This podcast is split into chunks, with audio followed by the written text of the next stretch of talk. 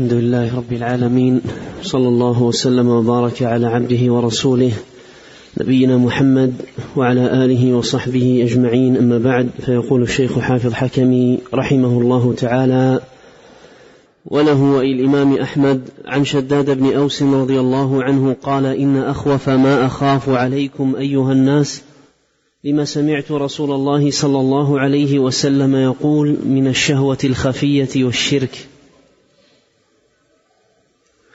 فقال عبادة بن الصامت أبو الدرداء اللهم غفرا. ألم يكن رسول الله صلى الله عليه وسلم قد حدثنا أن الشيطان قد يئس أن يعبد في جزيرة العرب. أما الشهوة الخفية فقد عرفناها هي, شوا هي, هي شهوات الدنيا من نسائها وشهواتها. فما هذا الشرك الذي تخوفنا به يا شداد؟ فقال شداد أرأيتكم لو رأيتم رجلا يصلي لرجل أو يصوم لرجل أو يتصدق أترون أنه قد أشرك؟ قالوا نعم والله. إن من صلى لرجل أو صام أو تصدق له لقد أشرك. فقال شداد فإني سمعت رسول الله صلى الله عليه وسلم يقول من صلى يرائي فقد أشرك ومن صام يرائي فقد أشرك. ومن تصدق يرائي فقد أشرك. قال عوف بن مالك عند ذلك أفلا يعمد الله إلى نعم. نعم. نعم. أفلا يعمد الله إلى ما ابتغي به وجهه من ذلك العمل كله فيقبل ما خلص منه ويدع ما أشرك به.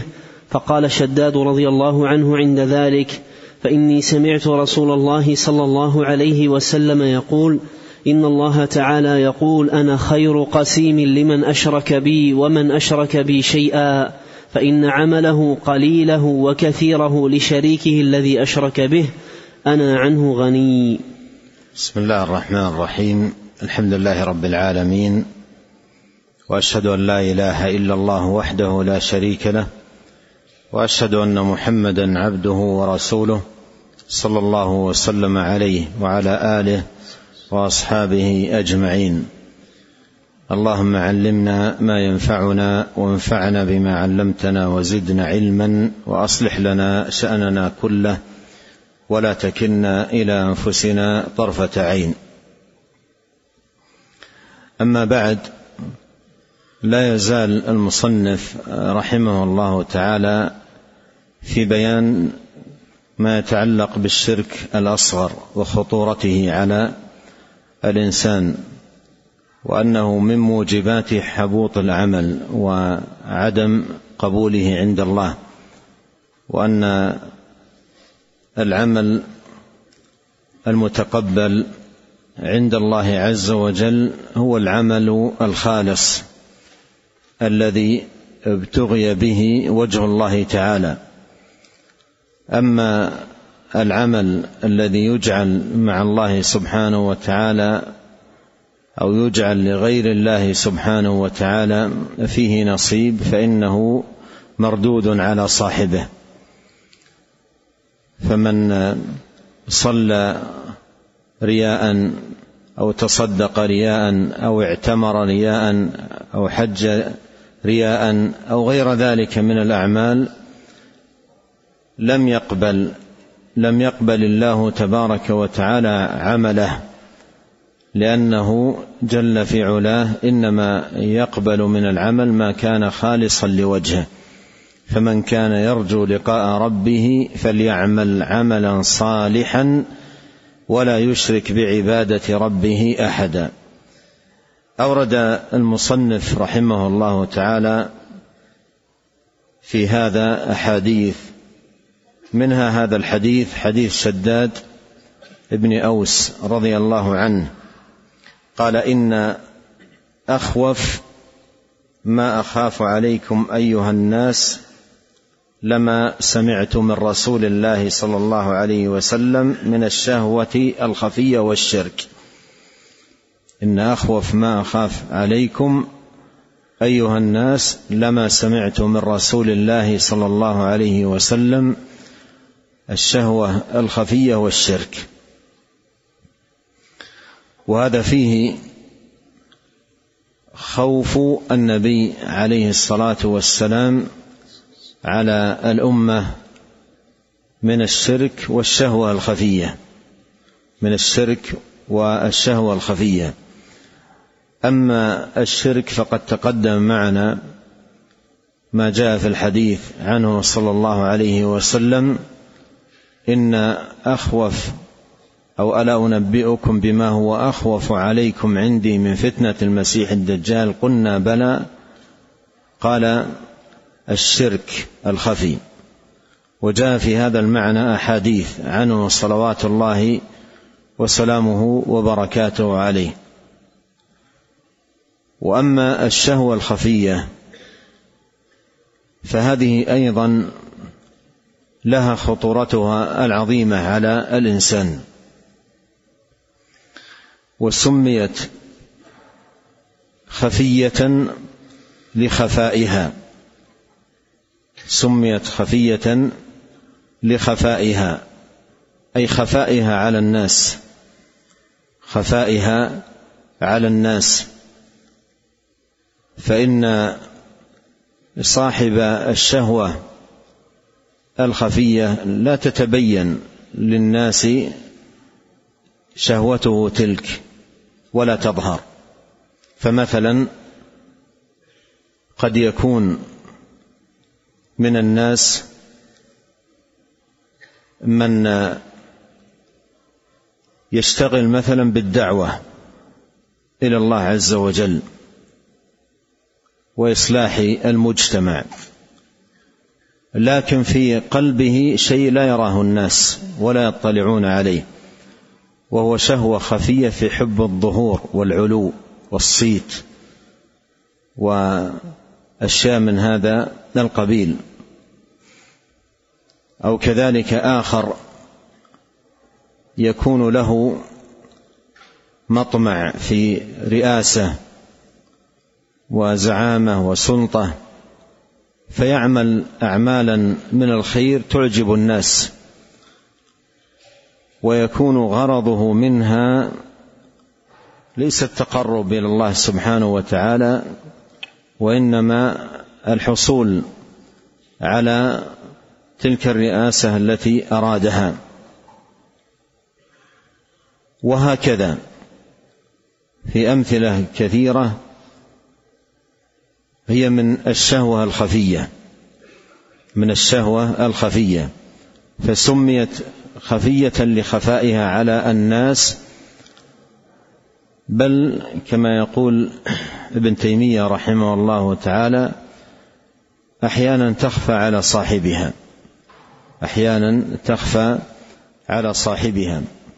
وهذا المعنى الذي ذكر هو أيضا ظاهر في وصف النبي عليه الصلاة والسلام للشرك بالخفي وصفه له بالخفي. وهذا الذي جاء في هذا الحديث وفي أحاديث أخرى يستوجب من المرء الناصح لنفسه أن يعمل على مقاومة هذا الخفي من أن يهلكه وأن يضر به. فيقدم يوم القيامة ولا يرى تلك الأعمال التي قدمها في صالح عمله لأنه ما أراد بها الله عز وجل والتقرب إليه وطلب رضاه سبحانه وتعالى. فالمقام فالمقام مقام مجاهدة ومعالجة للنفس وأطرها على الإخلاص. حتى قال بعض السلف ما عالجت شيئا أشد علي من نيتي لأنها تتفلت ويأتيها من هذه الأشياء ونظائرها ما يصرفها عن الإخلاص لله سبحانه وتعالى وابتغاء وجهه عز وجل بالعمل. فقال عبادة وأبو الدرداء اللهم غفرا أي مغفرة. غفرا منصوب بمقدر.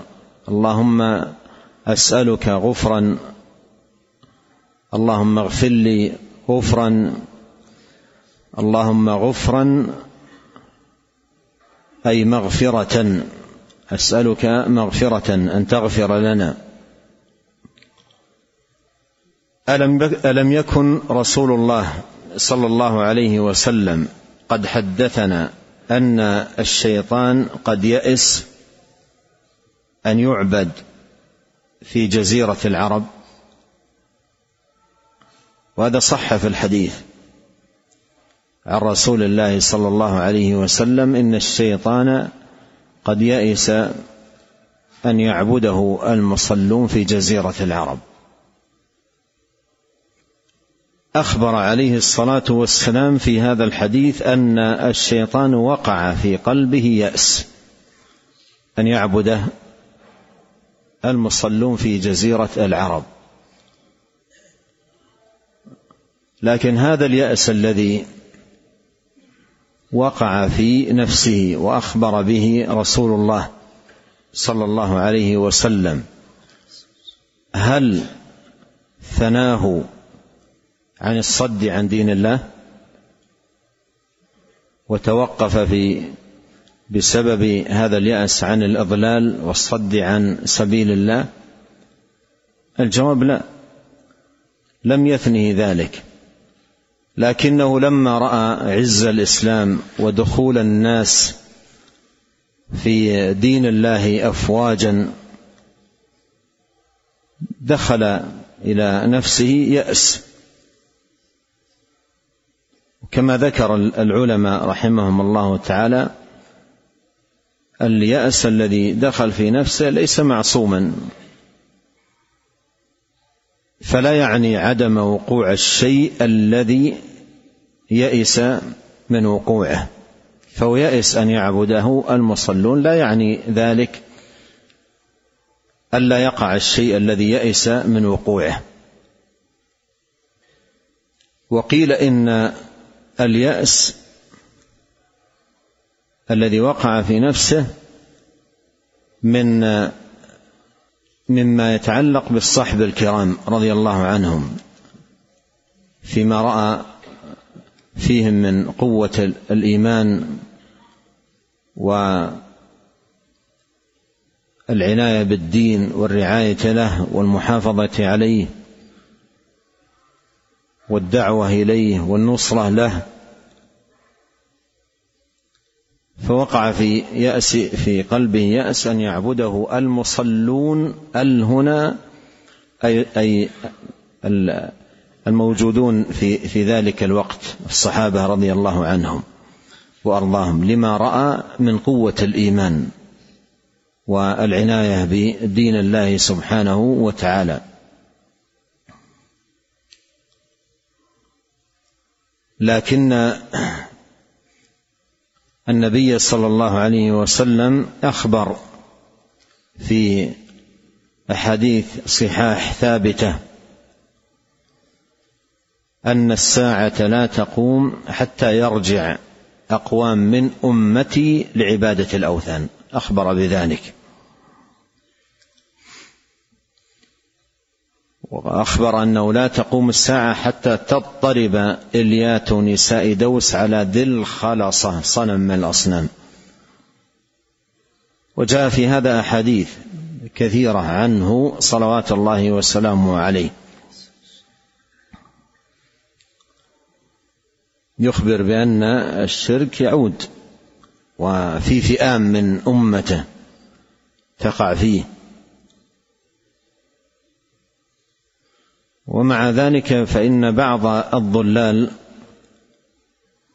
يأخذ هذا الحديث إن الشيطان قد يئس ويعمله ويهمل الأحاديث الأخرى فيوهم العوام والجهال أن الشرك لا يقع. حتى إن بعض المضلين وهذه والله من المصائب العظيمة أصبح يستدل بهذا الحديث على تسويغ الشرك. كيف؟ استدل بهذا الحديث على تسويغ الشرك. الشرك الذي يكون واقعا في بعض الناس وينكر عليهم فيقول لا تصدقوا هذا الإنكار فإن الشرك لا يقع. ولا ولا ولن يوجد. ثم يورد لهم هذا الحديث. إن الشيطان قد يئس أن يعبده المصلون في جزيرة العرب فيبقى العوام الذين يسمعون له ويركنون إلى قوله على ما هم فيه من شرك وضلال متوهمين بسبب هؤلاء دعاة الضلال أن ما هم فيه ليس من الشرك وأن الشرك لا يقع. وأن الشرك لا يقع. وهذا من أعظم الإضلال عن دين الله والصد عن الحق والهدى. ونسأل الله العافية والمعافاة الدائمة في الدنيا والآخرة. جعل جعلوا بهذه الطريقة هذا الحديث حجة لهم في تسويق هذا الشرك وهذه العبادة لغير الله سبحانه وتعالى. الحاصل أن النبي قد أخبر أن الشيطان قد يئس قد يئس أن يعبد المصلون في في جزيرة العرب لكنه لم يتوقف. عن الصد عن دين الله وإيقاع الناس في الشرك ودعوتهم إلى الباطل. وكثير من الناس تؤثر فيهم والعياذ بالله دعوة الشيطان. تؤثر فيهم دعوة الشيطان. ويقعون في ما يدعو إليه من شرك أو كفر أو بدعة أو ضلال أو غير ذلك. قال عبادة وأبو الدرداء ألم يحدثنا الرسول صلى الله عليه وسلم إن الشيطان قد يئس أن يعبده أن يعبد في جزيرة العرب؟ إن الشيطان قد يئس أن يعبد في جزيرة العرب قال أما الشهوة الخفية فقد عرفناها. هي شهوة شهوات الدنيا من نسائها وشهواتها من نسائها وشهواتها. فما هذا الشرك الذي تخوفنا به يا شداد؟ فما هذا الشرك الذي تخوفنا به يا شداد؟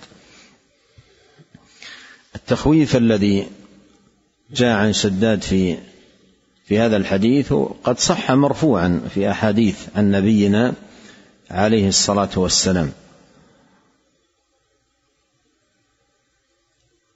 صح مرفوعا عن النبي عليه الصلاة والسلام. فشداد ذكر هنا الشرك. ذكر أخوف ما أخاف عليكم الشرك مع الشهوة الخفية. فقالوا ما هذا الشرك الذي تخوفنا؟ ويحتمل والله أعلم أن أن فهمهم للحديث على أحد المعاني التي ذكر العلماء رحمهم الله في معناه إن الشيطان يئس أن يعبد المصلون أي الصحابة. بأن يعود يعود لعبادة الأوثان. أن يعودوا لعبادة الأوثان لما قام فيهم من صلاح في التوحيد والإيمان وحسن المعرفة بالله سبحانه وتعالى. لكن النبي عليه الصلاة والسلام خاف خاف عليهم وعلى الأمة من الشرك الخفي. خاف عليهم وعلى الأمة من الشرك الخفي. وعلمهم ماذا يقولون وماذا يفعلون. وكانوا رضي الله عنهم وأرضاهم أحرص الأمة على الخير بل قدوة الأمة في الخير رضي الله عنهم وأرضاهم. والموفق من والموفق من عباد الله ممن جاء بعدهم من يكون مؤتسيا بهم مقتفيا آثارهم سائرا على نهجهم رضي الله عنهم وأرضاهم. قال فما هذا الشرك الذي تخوفنا به يا شداد؟ قال شداد أرأيتكم؟ لو رأيتم رجلا يصلي لرجل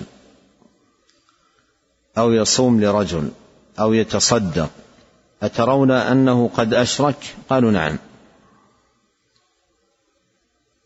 إن صلى ان من صلى لرجل أو صام أو تصدق لقد أشرك.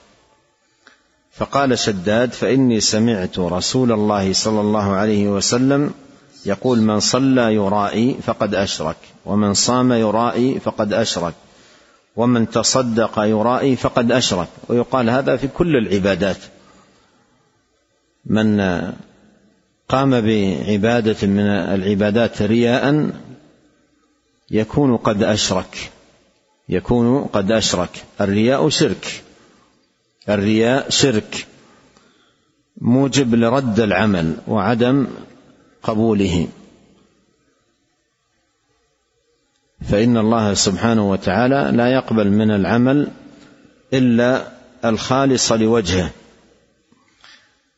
قال قال عوف عند ذلك أفلا يعمد الله؟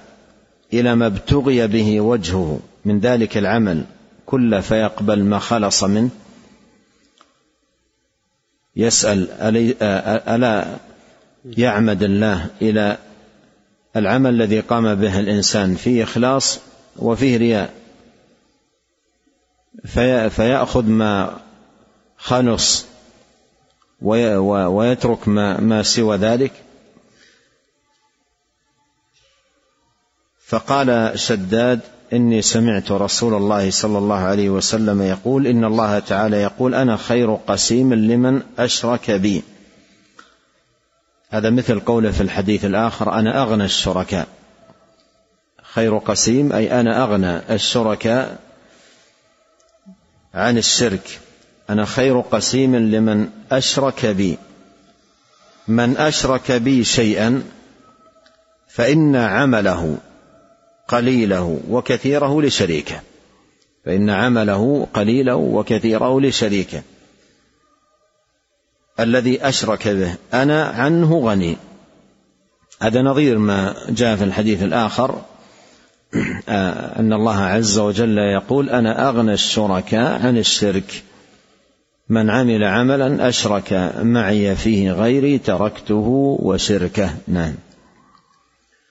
قال رحمه الله تعالى وله عنه رضي الله عنه أنه بكى فقيل ما يبكيك؟ قال شيء سمعته من رسول الله صلى الله عليه وسلم فأبكاني. سمعت رسول الله صلى الله عليه وسلم يقول أتخوف على امتي الشرك والشهوة الخفية. قلت يا رسول الله أتشرك أمتك من بعدك؟ قال نعم. أما إنهم لا يعبدون شمسا ولا قمرا ولا حجرا ولا وثنا ولكن يراءون بأعمالهم. والشهوة الخفية أن يصبح أحدهم صائما فتعرض له شهوة من شهواته فيترك صومه. ورواه ابن ماجه. ورواه. ورواه ابن ماجه. نعم هذا ال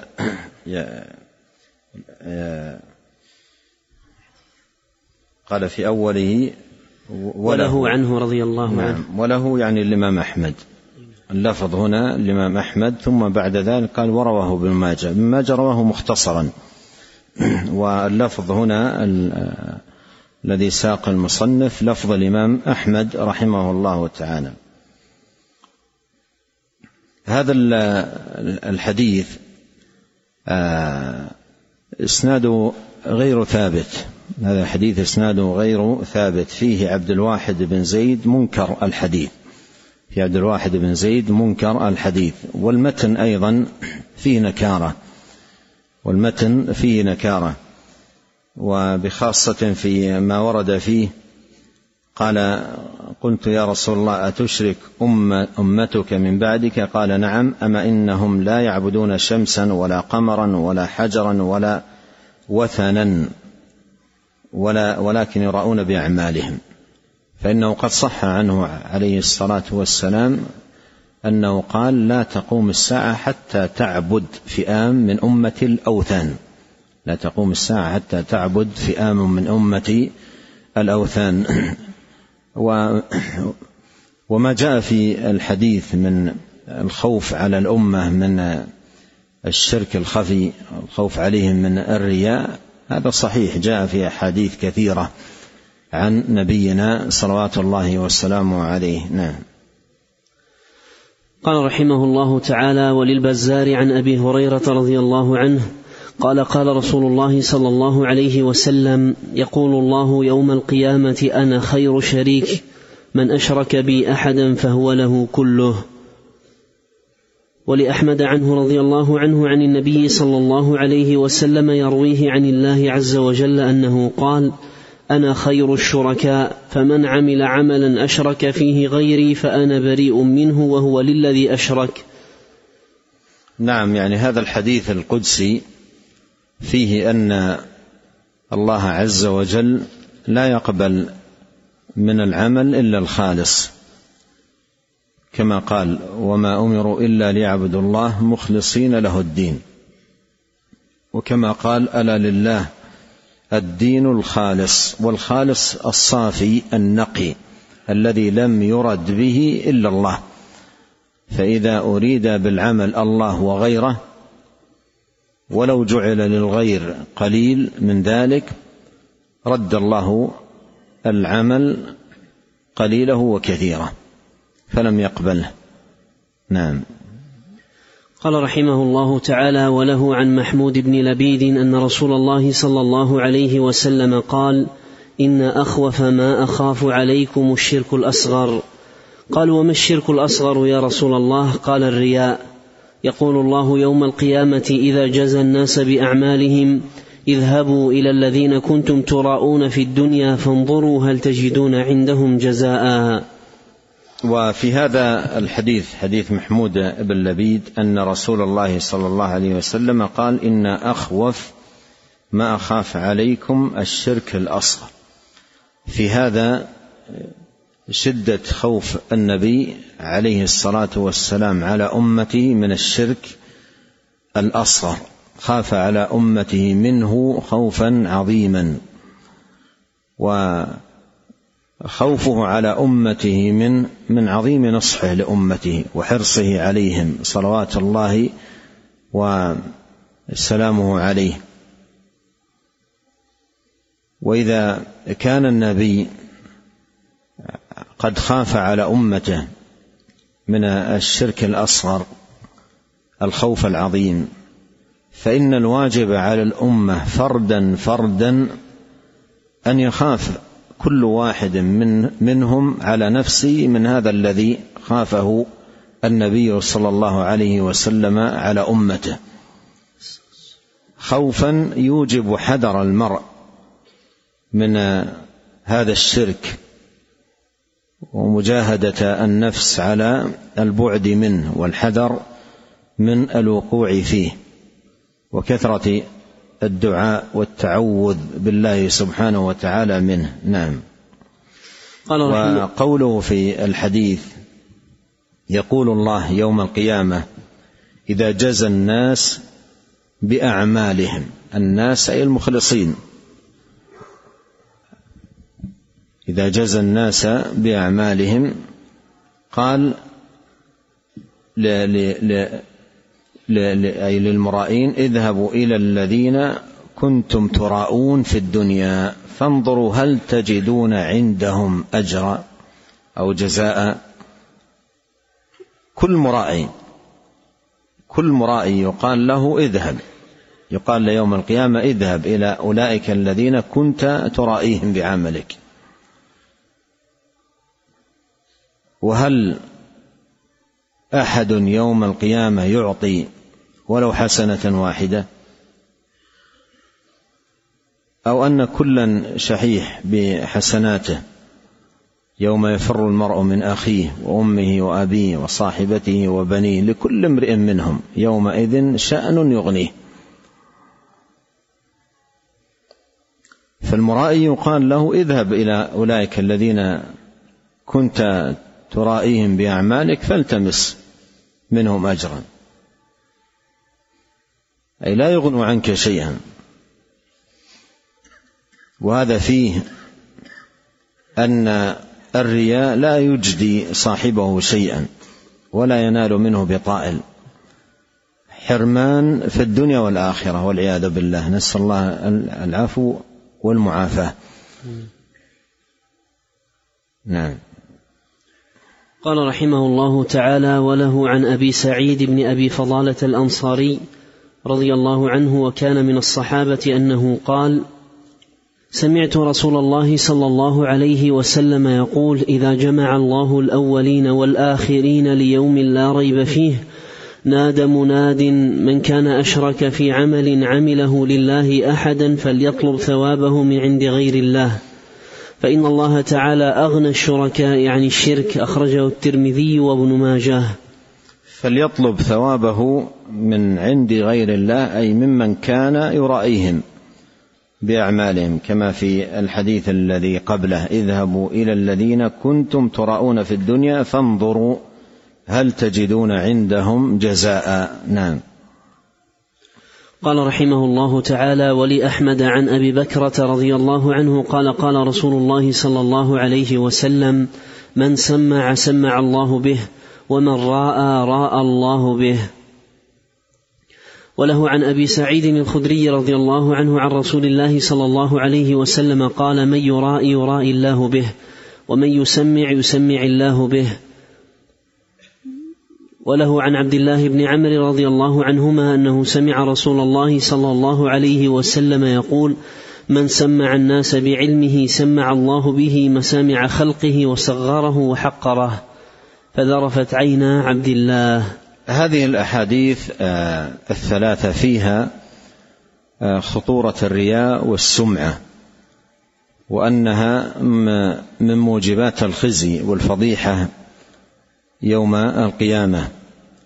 فإن من سمع أي بعمله أو رأى أي بعمله كان موجبا لخزيه وفضيحته يوم القيامة والجزاء من جنس العمل من سمع سمع الله به ومن راى راى يرائي الله به. نعم.